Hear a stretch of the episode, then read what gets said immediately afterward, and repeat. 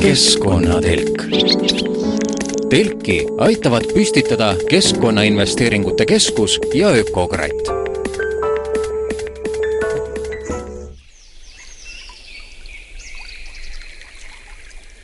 tere! keskkonnatelk on jälle püsti, mina olen saatejuht Kadri Valner, väljas on igati ilus juunikuine ilm ja kutsun teid arutlema kolmel teemal.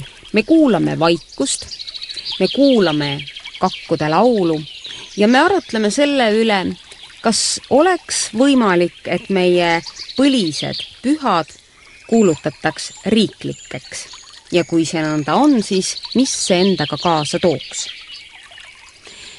nädal tagasi oli Keskkonnatelgi saate teemaks killerkotid ehk siis need kilekotid, mida me iga päev poes käies sealt kaasa toome nii need, kuhu me paneme oma toidukraami, kui need, kuhu müüjad panevad iga kohukese eraldi või iga sukapaarikese. jutt oli siis sellest, et tegelikult plastikprügi on maailmas kõige levinum. Need numbrid, millest jutt tuli, kui palju eestlased kasutavad aastas kilekotte on nii kolossaalsed, et sellest ei tahagi nagu enam üle rääkida. arutlesime siin, et kuidas neid taaskasutada, kuidas äh, teha nõnda, et kilekotid ei oleks nii loodust reostavad ja kas oleks mingit abi ka näiteks sellest, kui kilekoti hind tõuseks ja seda siis kilekoti aktsiisi näol niisiis, ideid sai päris palju välja käidud selles saates ja ka vastureaktsioone oli üsna mitu. paljud inimesed elasid väga teemale kaasa, aga tuli ka taolisi jutte. Lähme nüüd tagasi ürgaega, selline on Keskkonnatelgi jutt pigem tuleks leida viis, kuidas kilekotte kokku korjata ja neid hävitada. kujutage ette, et suured kauplused müüksid ilma kiletamata toite, siis on pisikud sama hullud tapjad kui teie arvates kilekotid. siis selline arvamus. teine aga ütles nõnda. täitsa nõus, et kilekotte tuleks vähem kasutada, aga seda siis, kui riidekott hakkab maksma kroon viiskümmend kilekoti eelis on ka prügikasti rolli mängida. ei lase vedelikku läbi ja hea on viia teda prügikasti. seod pealt kinni. pani paika hea panna, kirjutad peale vildikaga, mis on sees. riidekott sellist taaskasutust ei võimalda. seda pead pesema, kui tahad taaskasutada kilekotti, viskad lihtsalt prügisse meie teadusuudiste portaal Novaator vahendas sel nädalal üht värsket uurimust loen siin ette. hiljuti läbi viidud uuring väidab, et korduvkasutatavad riidest poekotid võivad inimeste tervisele ohtu kujutada, sest saastuvad kergelt bakterite ja seentega uuringu tellis Environment and Plastics Industry Council, mis propageerib Kanadast plasttoodete vastutustundlikku kasutamist viieteistkümne leheküljeline raport viitab kahele erinevale sõltumatule laborile, mis mõlemad kinnitavad, et korduvkasutatud kotid võivad inimeste tervisele ohtu kujutada nelikümmend protsenti poekottidest olid nakatanud ka hallitusseentega. mikroorganismide levikut soodustavad halvasti pakitud kott fatti määrivad toidud ja vedelikud. uuringu tulemuste interpreteerimisel tuleb tähele ka panna seda, et selle tellija on huvitatud plastkottide võimalikust laiast levikust mõistlik inimene paneb oma riidest poekoti aeg-ajalt pessu ning lahendab sellega suurema probleemi. väike kogus baktereid toob aga inimese tervisele pigem kasu kui kahju. nõnda siis kommenteerib kogu seda uuringut novaator nüüd aga tuleb juttu mürast, mürast meie ümber, meie sees ja sellest, kas me oskame ka vaikust hinnata.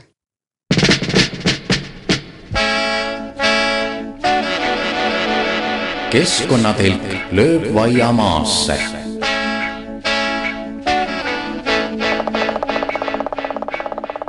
mitu aastat on Eestimaa koolides ja lasteaedades kevaditi toimetanud ökokratid. tegemist on siis mittetulundusühingu Ökokratt keskkonnateemalise aktsiooniga, mis igal aastal keskendub ühele valdkonnale.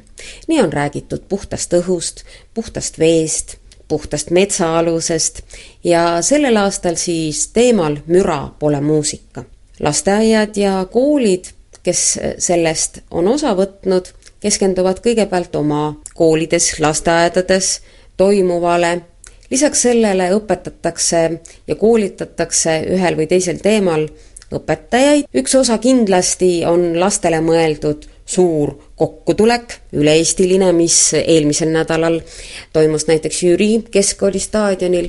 Ja sellel nädalal tulid kokku lõpuseminariks õpetajad, kes siis aasta jooksul on just oma lastega läbinud selle teema Müra pole muusika. kolmapäeval õpetajad jaaniojal kokku saidki ja vahva oli, et Eestis aina populaarsust koguv avatud ruumi meetod läks siingi mõnusalt käima.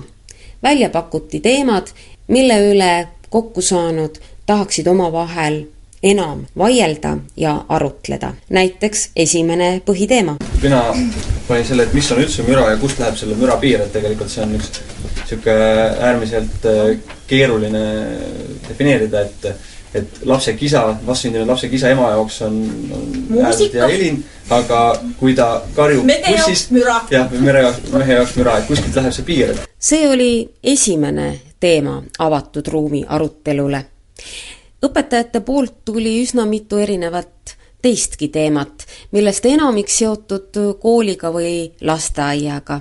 just nimelt see, kuidas näiteks õpetaja lasteaias saaks saavutada laste seas vaikuse, miks ja kas peaks tundides kasutama mobiiltelefone, MP3-e mängijaid ja nii edasi.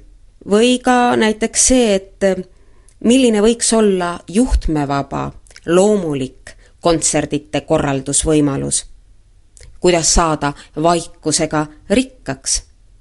aga ka näiteks järgnev teema, mis on müra nii kaudses kui otseses mõttes miks ja kas ma pean taluma Tereri reklaamipauside ajal seda lärmi, et tavakanal on vaikse helinaga, kui reklaamipaus tuleb, siis ta sõidab mulle sisse, nii et, et ja siis, kui ma ta vaikseks keeran, siis ja lähen kuskile ära, siis ma ei kuule jälle, kui see film peale hakkab või saade hakkab, et kas ma pean seda taluma ja kas seda kedagi teist ka häirib. me elame müraajastul. Me valmistume müraks ja siiski tabab ta meid alati ootamatult, me oleme häiritud näiteks mõnes ruumis, kus me peame kuulama selliseid helisid, mille sisse-välja lülitamine lihtsalt meist ei sõltu. müra võib tähendada midagi ebameeldivat, liiga kõva, ka liiga kaootilist. see ei ole ju ilmtingimata üks ja seesama näiteks muusika, ka laiemalt võetuna, paikneb kahe äärmuse vahel, ühelt poolt piirab teda heli, mida me enam muusikaks ei pea, see tähendab just nimelt müra, teisalt jälle heli puudumine ehk siis vaikus. kas te olete mõelnud kunagi, millal on päriselt vaikne? kodus, vähemalt linnakodus me seda ju ei saavuta.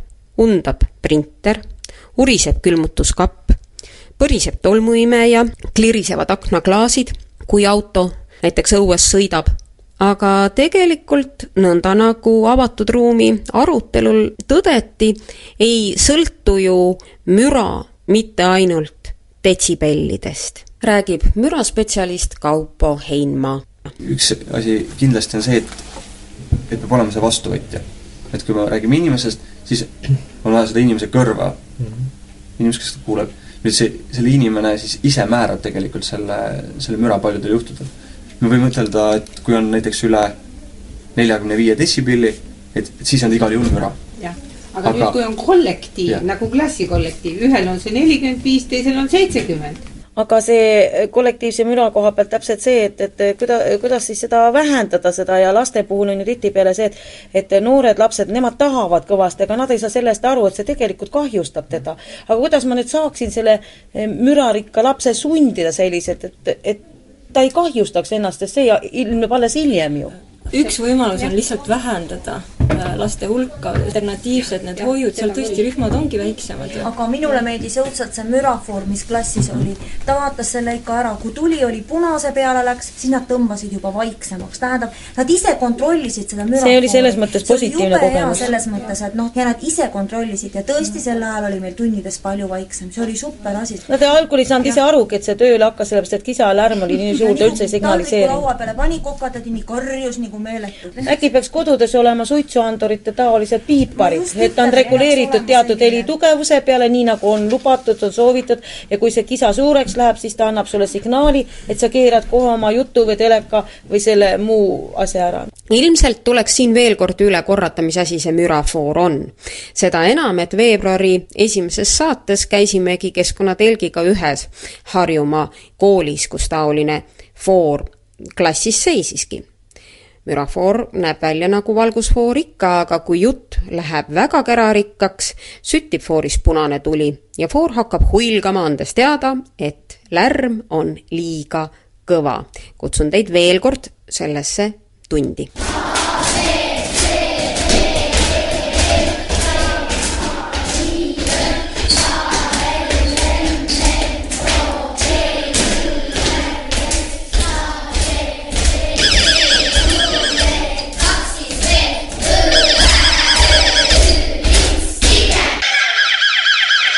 Tavaliselt on niimoodi, kui me hästi kõvasti karjume, siis ta läheb alati punase peale, siis ja siis mõned. siis ta hakkab karjuma. näiteks meie klassi poisid mõnikord teevad niimoodi meelega, et see hakkaks karjuma mm. -hmm aga kas nüüd, kui see äh, foor teil siin klassis on, kas nüüd on tunnid vaiksemad või? ei ole, ei ole, ei ole üldse. natukene, natukene võib-olla siis, kui külalised käivad, siis on vaikne, aga siis, kui ei käi, siis on nagu kõva lärm. ja alati kunstitunni ajal on kõige kõvem mm. -hmm. aga miks see nii küll on siis? sellepärast, et kõik arvavad, et lihtsalt kunstitund ei ole selline tund, kus peab niimoodi nagu tõsiselt mõtlema. tööd tegema või niimoodi, et seal võib vahepeal lollitada ka mis siis rohkem loeb, kas see, et õpetaja ütleb, et olge nüüd tasa või see, et fooris hakkab punane tuli põlema? õpetaja. mõlemad. õpetaja mm -hmm. võib-olla natuke rohkem. kuidas teile tundub, kus on kõige rohkem kära ja kisa üleüldse? kehalises. Jah, kehalises. kehalises või siis tööõpetuses.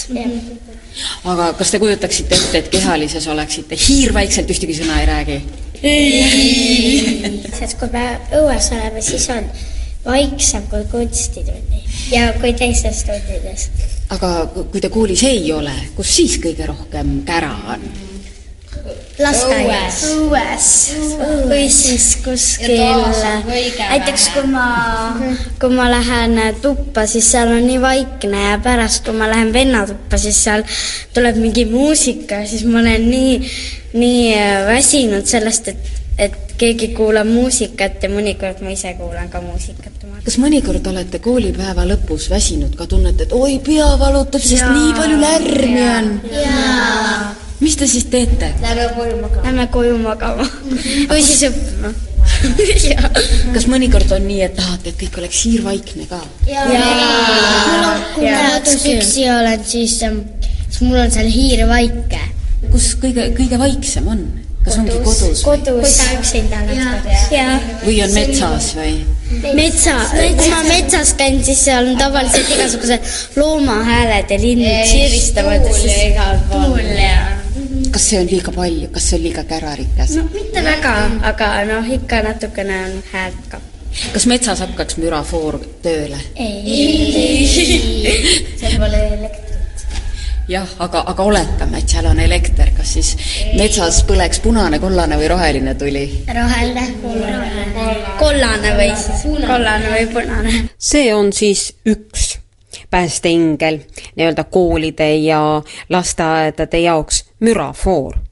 teine võimalus on teha aga kooli vaikuse ja mürakoridorid ka selle üle arutleti. see arhitektuuriliselt on võimalik neid koridore niimoodi jagada, et noh, lasteaedades on häda, et seal on nagu rühmad on väikesed ja neid ei saa enam veel omakorda veel hakkida kuhugile, et, et kes tahab vaikselt või noh, see on natuke keerulisem, aga koolidel äh, miks mitte, et, et, et see väide, et, et ei ole võimalik ja ei saa, siis tegelikult koolid on piisavalt suured, et, et neid kohti koridor, kus võib kisada. jah, kus võib kisada No mürakoridor või müraklass. mürakoridor, aga teiselt poolt oleks ka see koridor, kus on kõik koolipere respekteerib, et see ongi vaikuse koridor kui koolis näiteks me teeme aeg-ajalt küsitlusi ja küsime laste käest, et noh, et mis tal segab või kuidas on, siis tihtipeale tuleb minule tagasi see suur lärm.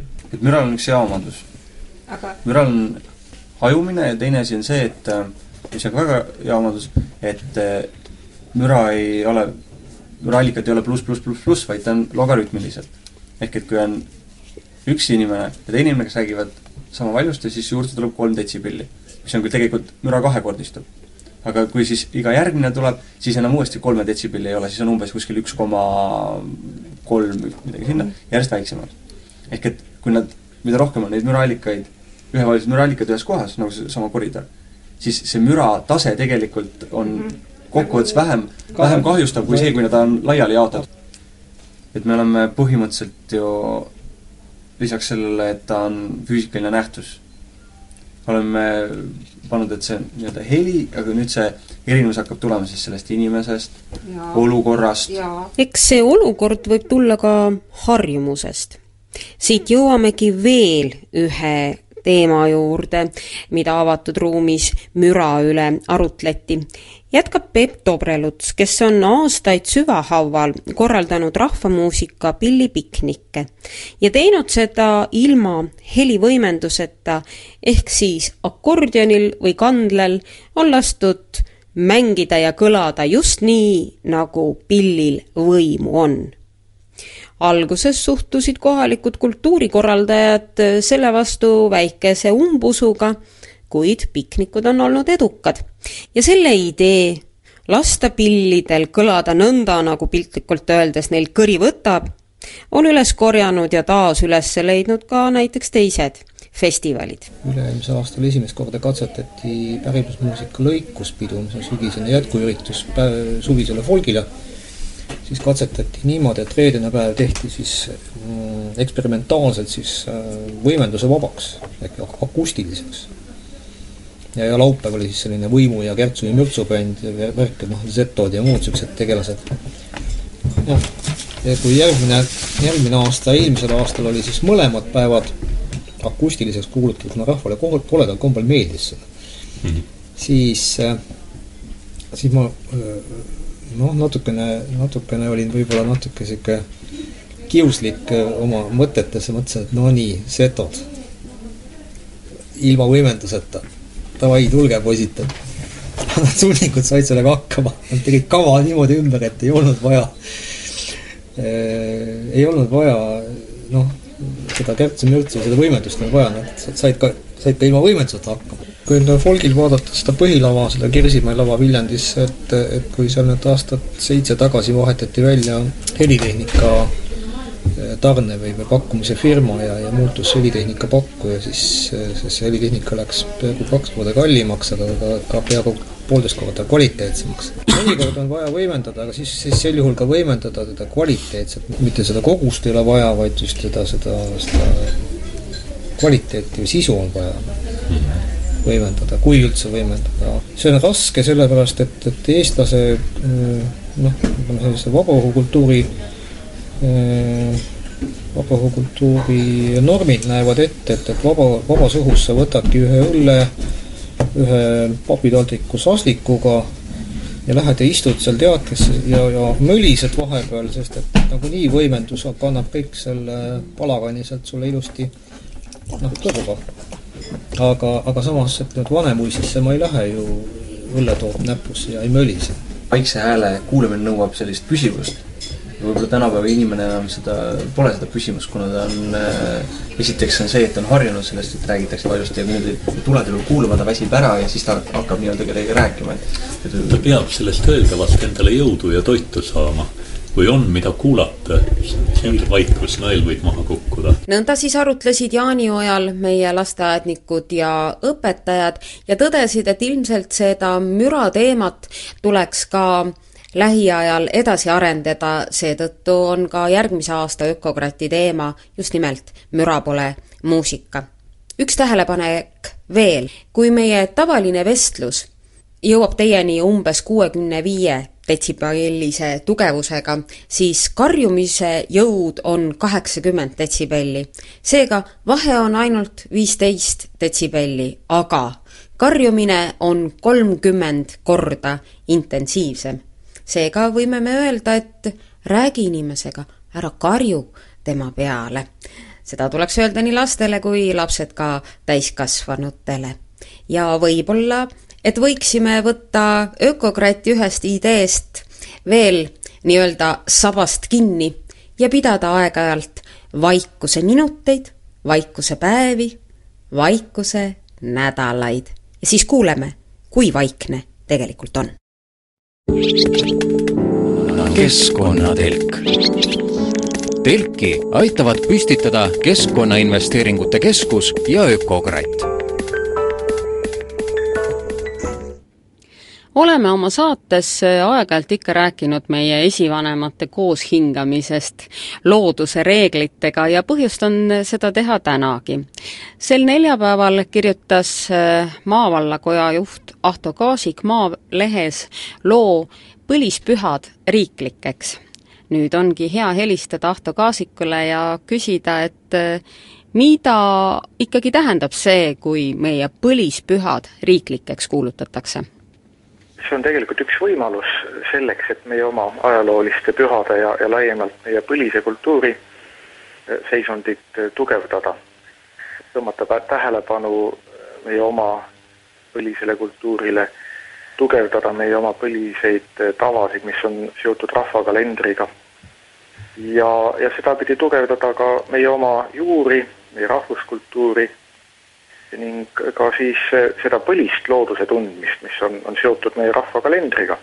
sest eh, Eesti rahvakalender on ju eeskätt ikkagi looduse kalender, meie tähtpäevad rahvakalendris, nendega seotud uskumused ja tavad on, on keskendunud ikkagi eelkõige looduse muutumisele, teatud eh, murrangupunktidele, mis on, on aastaringis ja mis tähistavad siis üleminekuid näiteks suvelt sügisele varakevadelt kevadele ja, ja nii edasi.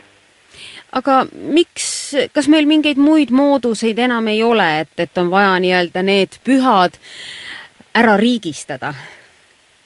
küsimus on muidugi põhimõtteline. et sisuliselt on oluline, et meie kultuur jääks kestma, nii nagu ka Eesti riigi põhiseaduses on öeldud, et Eesti Vabariigi olemise mõte ja eesmärk on selles, et tagada Eesti rahva kultuuri ja keele kestmine üle aegade.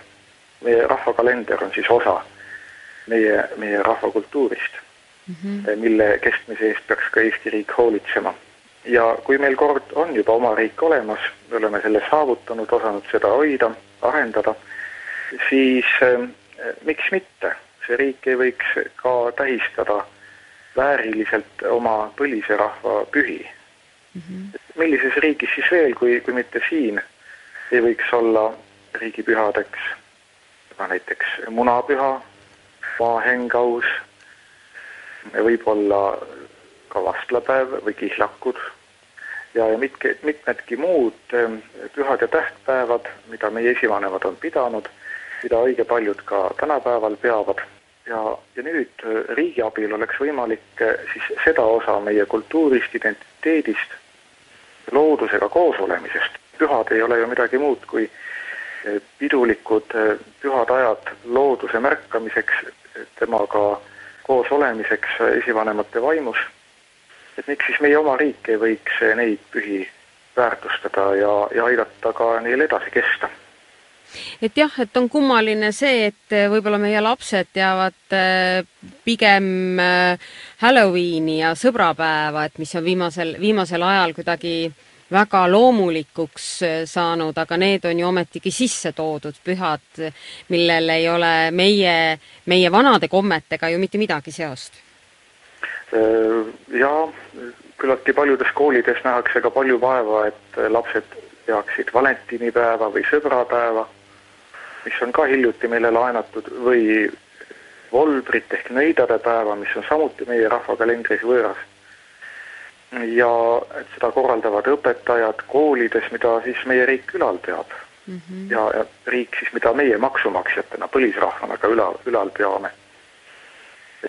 siis neid samasid võrgustikke, ka, ka haridussüsteemi võiks kasutada ju selleks, et aidata meil, eestlastel, hoida oma juuri ja, ja aidata kesta meie põliskultuuril edasi.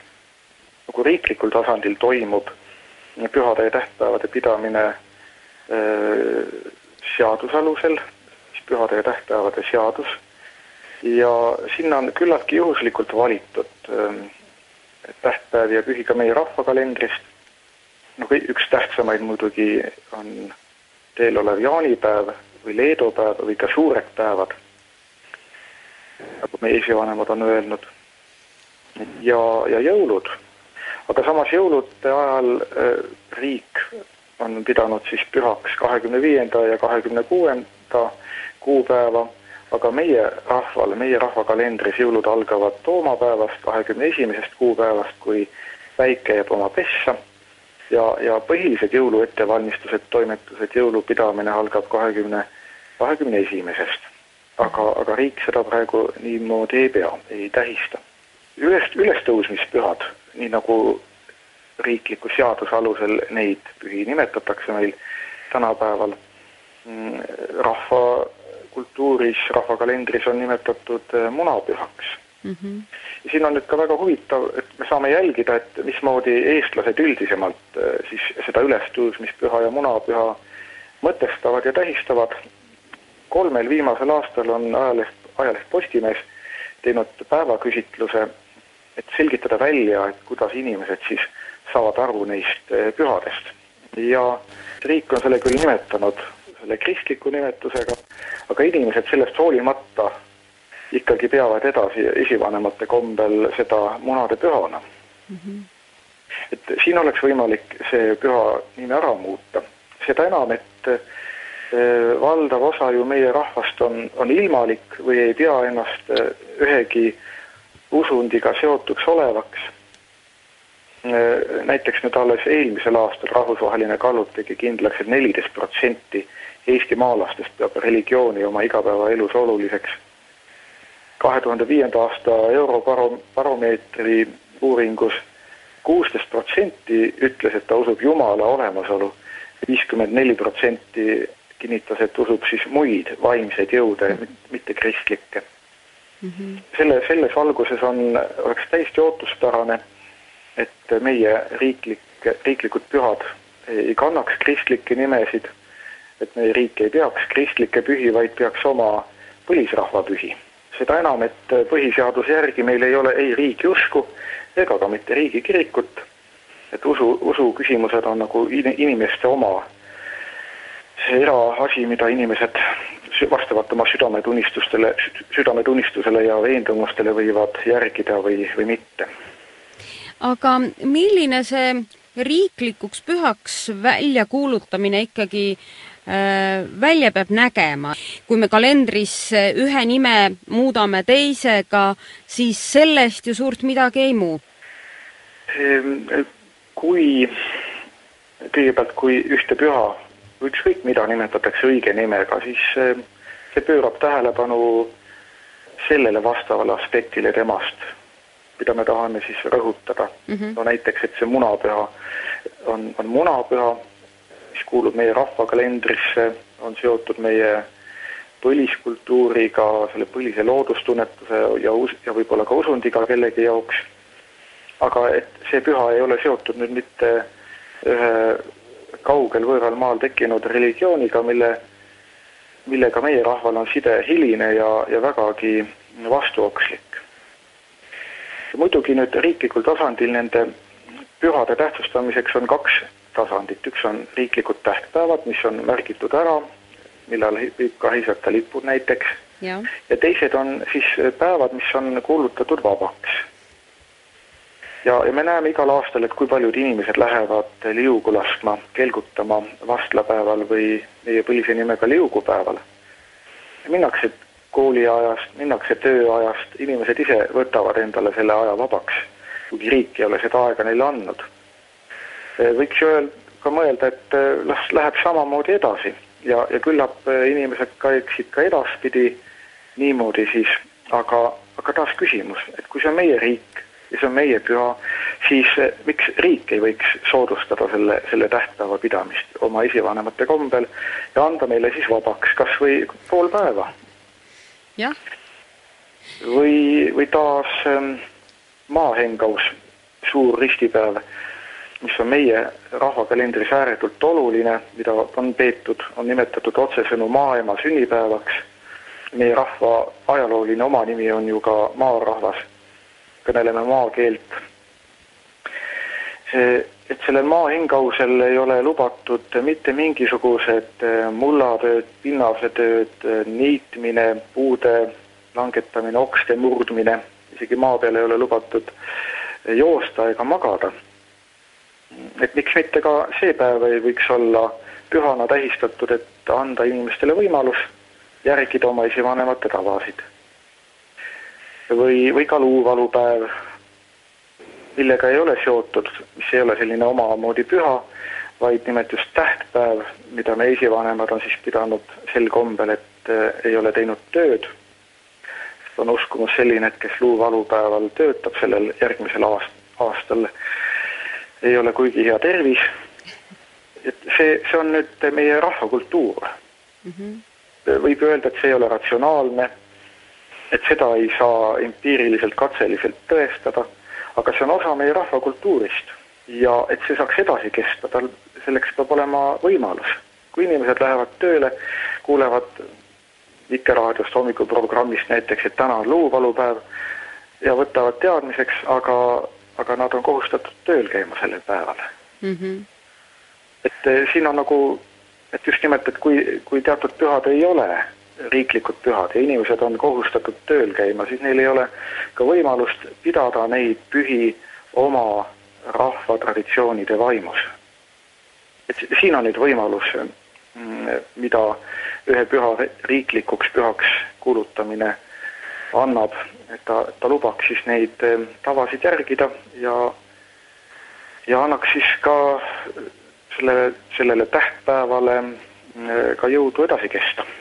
Kindlasti ei ole need pühad ju tekkinud kunagi ammu-ammu mingilt tühjalt kohalt, et nende tekkimisele on on ju ka mingi põhjendus või vajadus olnud, et kui me just räägime, et kunagi ammu, kui me elasime koos looduse hingamisega, ta on tulnud nagu mingist loomulikust looduse olekust need pühad tekkinud et see on nagu see suur ja vana tarkus, mis nende pühadega ilmselt on kaasas käinud, eks ole?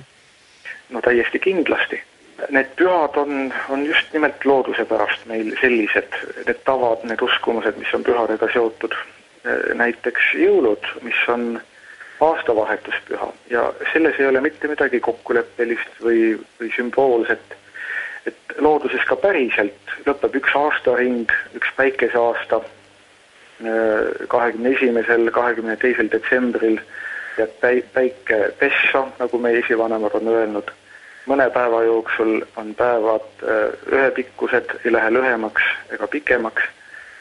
Äh, kahekümne neljas detsember on meil peetud vana-aasta õhtuna ja kahekümne viiendat detsembrit, kui päike esimest korda hakkab pikemalt käima, algab uus päikese aasta, uus aastaring seda, seda päeva on nimetatud Võromaal veel äh, ajalooliselgi ajal vastse ajastaja päevaks ehk uue aasta päevaks mm. -hmm. ja, ja see tuleb loodusest otse, inimene ei ole seda välja mõelnud, loonud, et me lihtsalt elame selles.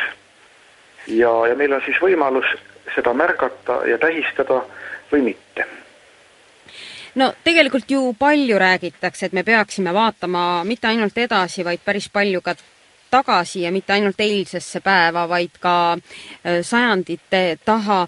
neljapäeval ilmunud idee on ju ainult üks äh, paljudest ideedest. kas sellele peaks nüüd järgnema midagi edasi, millise resonantsi see idee mm, annab? ma ootan eelkõige äh, tähelepanu, ma ootan mõttevahetust, et inimesed hakkaksid mõtlema, arutama erinevatel tasanditel. ja, ja see omal ajal, äh, miks mitte võib-olla isegi sellel aastal võiks jõuda ka Riigikogusse arutusele. Mm, siin Toomas Trapiro näiteks on, on ka küsinud otse, et kas, kas me võiksime kuidagi paremini riiklikult väärtustada oma põliseid pühi. nii et, et huvi on ka sealtpoolt mingil määral vähemasti olemas, ütleme siis seadusandja poolt. Aitäh, Ahto Kaasik! seega on see teema meie kõigi jaoks mõtlemiseks. mõtleme ka näiteks sellel ajal, kui kuulame, kuidas laulavad meie kakud. seega aeg on taas teritada kõrva looduses ja anda sõna Veljo Runnelile. kõrv loodusesse. tere, hea kuulaja! Käes on juuni algus. paljudest linnupesadest võib kuulda noorlindude nõudlikke häälitsusi, kui nad oma vanemaid toidu toomisel tagant kiirustavad. osad linnupojad on juba pesadest väljagi lennanud kui värvuliste pojad häälitsevad suhteliselt tagasihoidlikult, siis suuremate lindude võsukesed teevad kõvemat häält. Võib-olla oled sinagi kuulnud hämaruse saabudes puuvõradest veidraid käätsatusi, mis sadade meetrite kaugusele kostuvad. sellist häält teevad kakkude pojad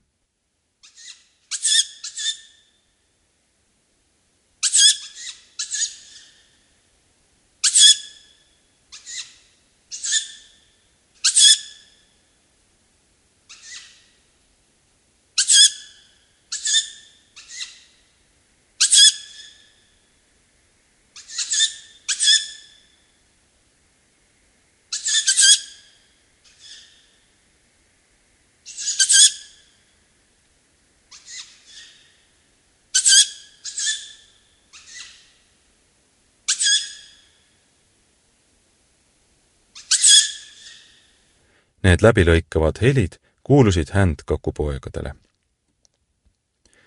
täna tahaksin ma tutvustada paari kolme Eestis enam tuntud kakku. kuna kakkude aktiivsus ei lange enamasti kokku inimeste toimetamiste ajaga, siis sageli ei kujutagi inimesed ette, mida kakud täpselt teevad või kus nad elavad.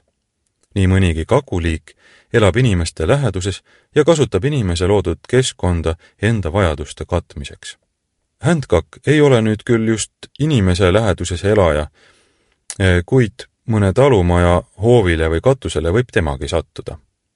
Handcock on üks meie metsade arvukam ja ka tõenäoliselt tuntum öökull ja ka loodusfotograafid on tema pildistamiseks kulutanud päris palju päevi ja nädalaid. kui satud pimeduse käes metsateele kõndima, siis suure tõenäosusega võid just selle kaku huikeid kuulda ta on üsna suur lind. tiibade siruulatus võib ulatuda üle meetri ning kehakaal kuni kilo või rohkemgi. mis mind alati kakkude lendamist nähes hämmastama paneb, on see, kui vaikselt nad suudavad tiibu lehvitada. isegi kui nende tiivaulatus on märkimisväärselt suur. võiks öelda, et kakud on lausa hääletud linnud. mind on ühel korral üllatanud kodukakk, kes pimeduses äkki mu näo ette lendas ja seal paar sekundit tiibul lehvitas. see kõik toimus täiesti hääletult. tema helendav kogu öise taeva taustal oli nagu hõljuv vaim. Händkaku varasem eestikeelne nimi oli uraalikakk. sõna uraali on ka tema ladinakeelses nimes, Strix uralensis. praegune nimeversioon aga iseloomustab seda öökulli paremini rõhutades silmatorkavat detaili tema välimuses, pikka saba. Handcock on küllaltki agressiivne, ta võib isegi inimest rünnata, kui tunneb, et pojad on ohustatud. üks kakkude uurija saigi ülemaailmselt tuntuks peale seda, kui Handcocku rünnaku ohvriks langes ning selle tagajärjel silma kaotas. peale seda müüsid tema raamatud tunduvalt paremini kui varem kuulame Händkaku paari erutatud kahekõnet pesapaiga läheduses. Mm-hmm.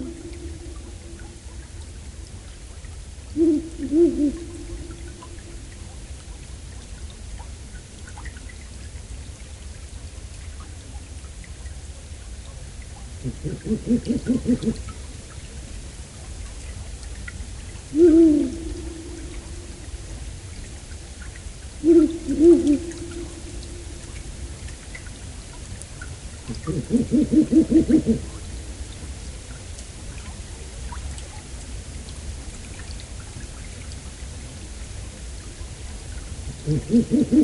フ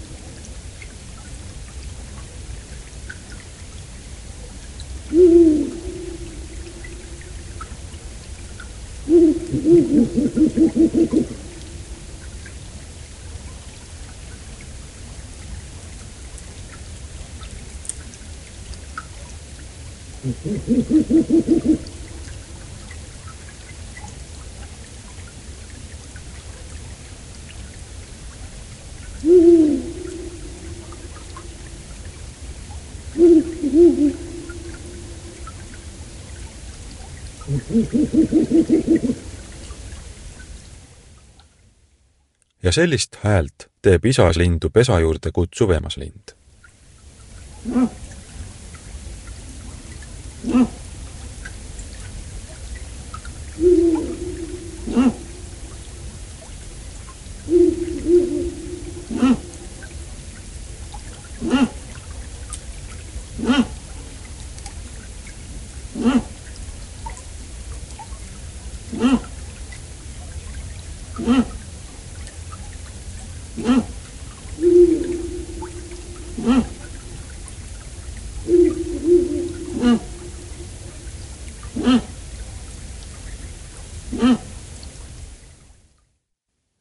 Händkaku poegi me juba kuulsime häälitsemas. nüüd kuulame ühe teise kakuliigi poegade häälitsusi. see on kõrvukräts. erinevalt händkakust võib tema tulla pesitsema lausa talumaja kõrvale. kõrvukräts käib saaki püüdmas põldude ja heinamaade kohal. kultuurmaastikud paistavad talle elupaigaks sobivat. Need kõrvukarätsu pojad tegid häält kümme aastat tagasi, kümnendal juulil Tartumaal Kõrve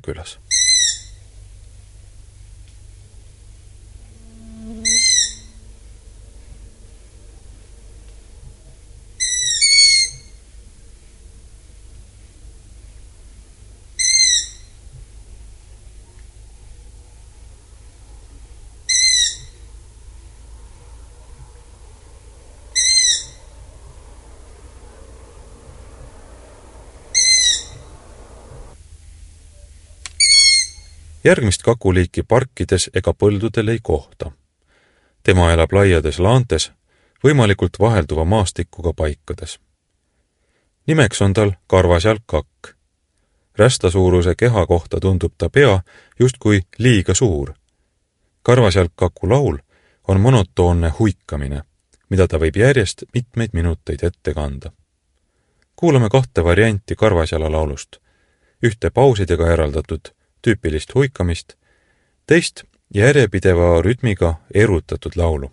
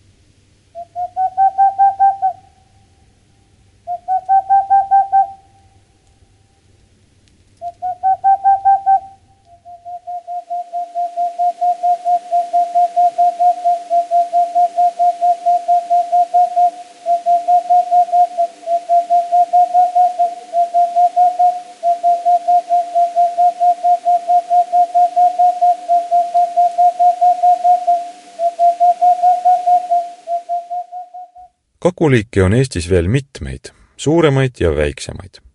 Teistest on tuntuim kodukakk, kes valiti Eesti Ornitoloogia Ühingu poolt aasta linnuks.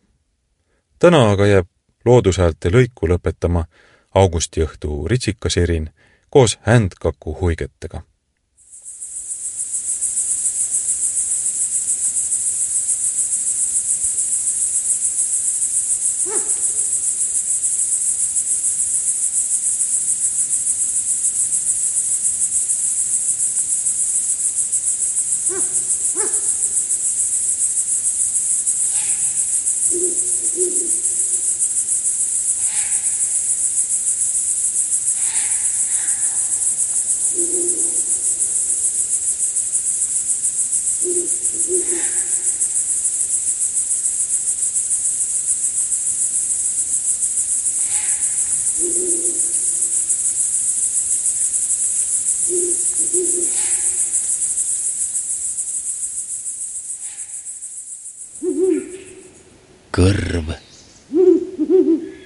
algusesse. aitäh, Veljo Runnel! ega ei jäägi muud üle, kui pöörduda hetkeks saate algusesse tagasi. selleks, et eristada müra helidest, olge kenad, käige kõrvad lahti looduses ringi ja kohtume siis nädala pärast jälle. kõike kaunist! keskkonnatelk. Telki aitavad püstitada Keskkonnainvesteeringute Keskus ja Ökokratt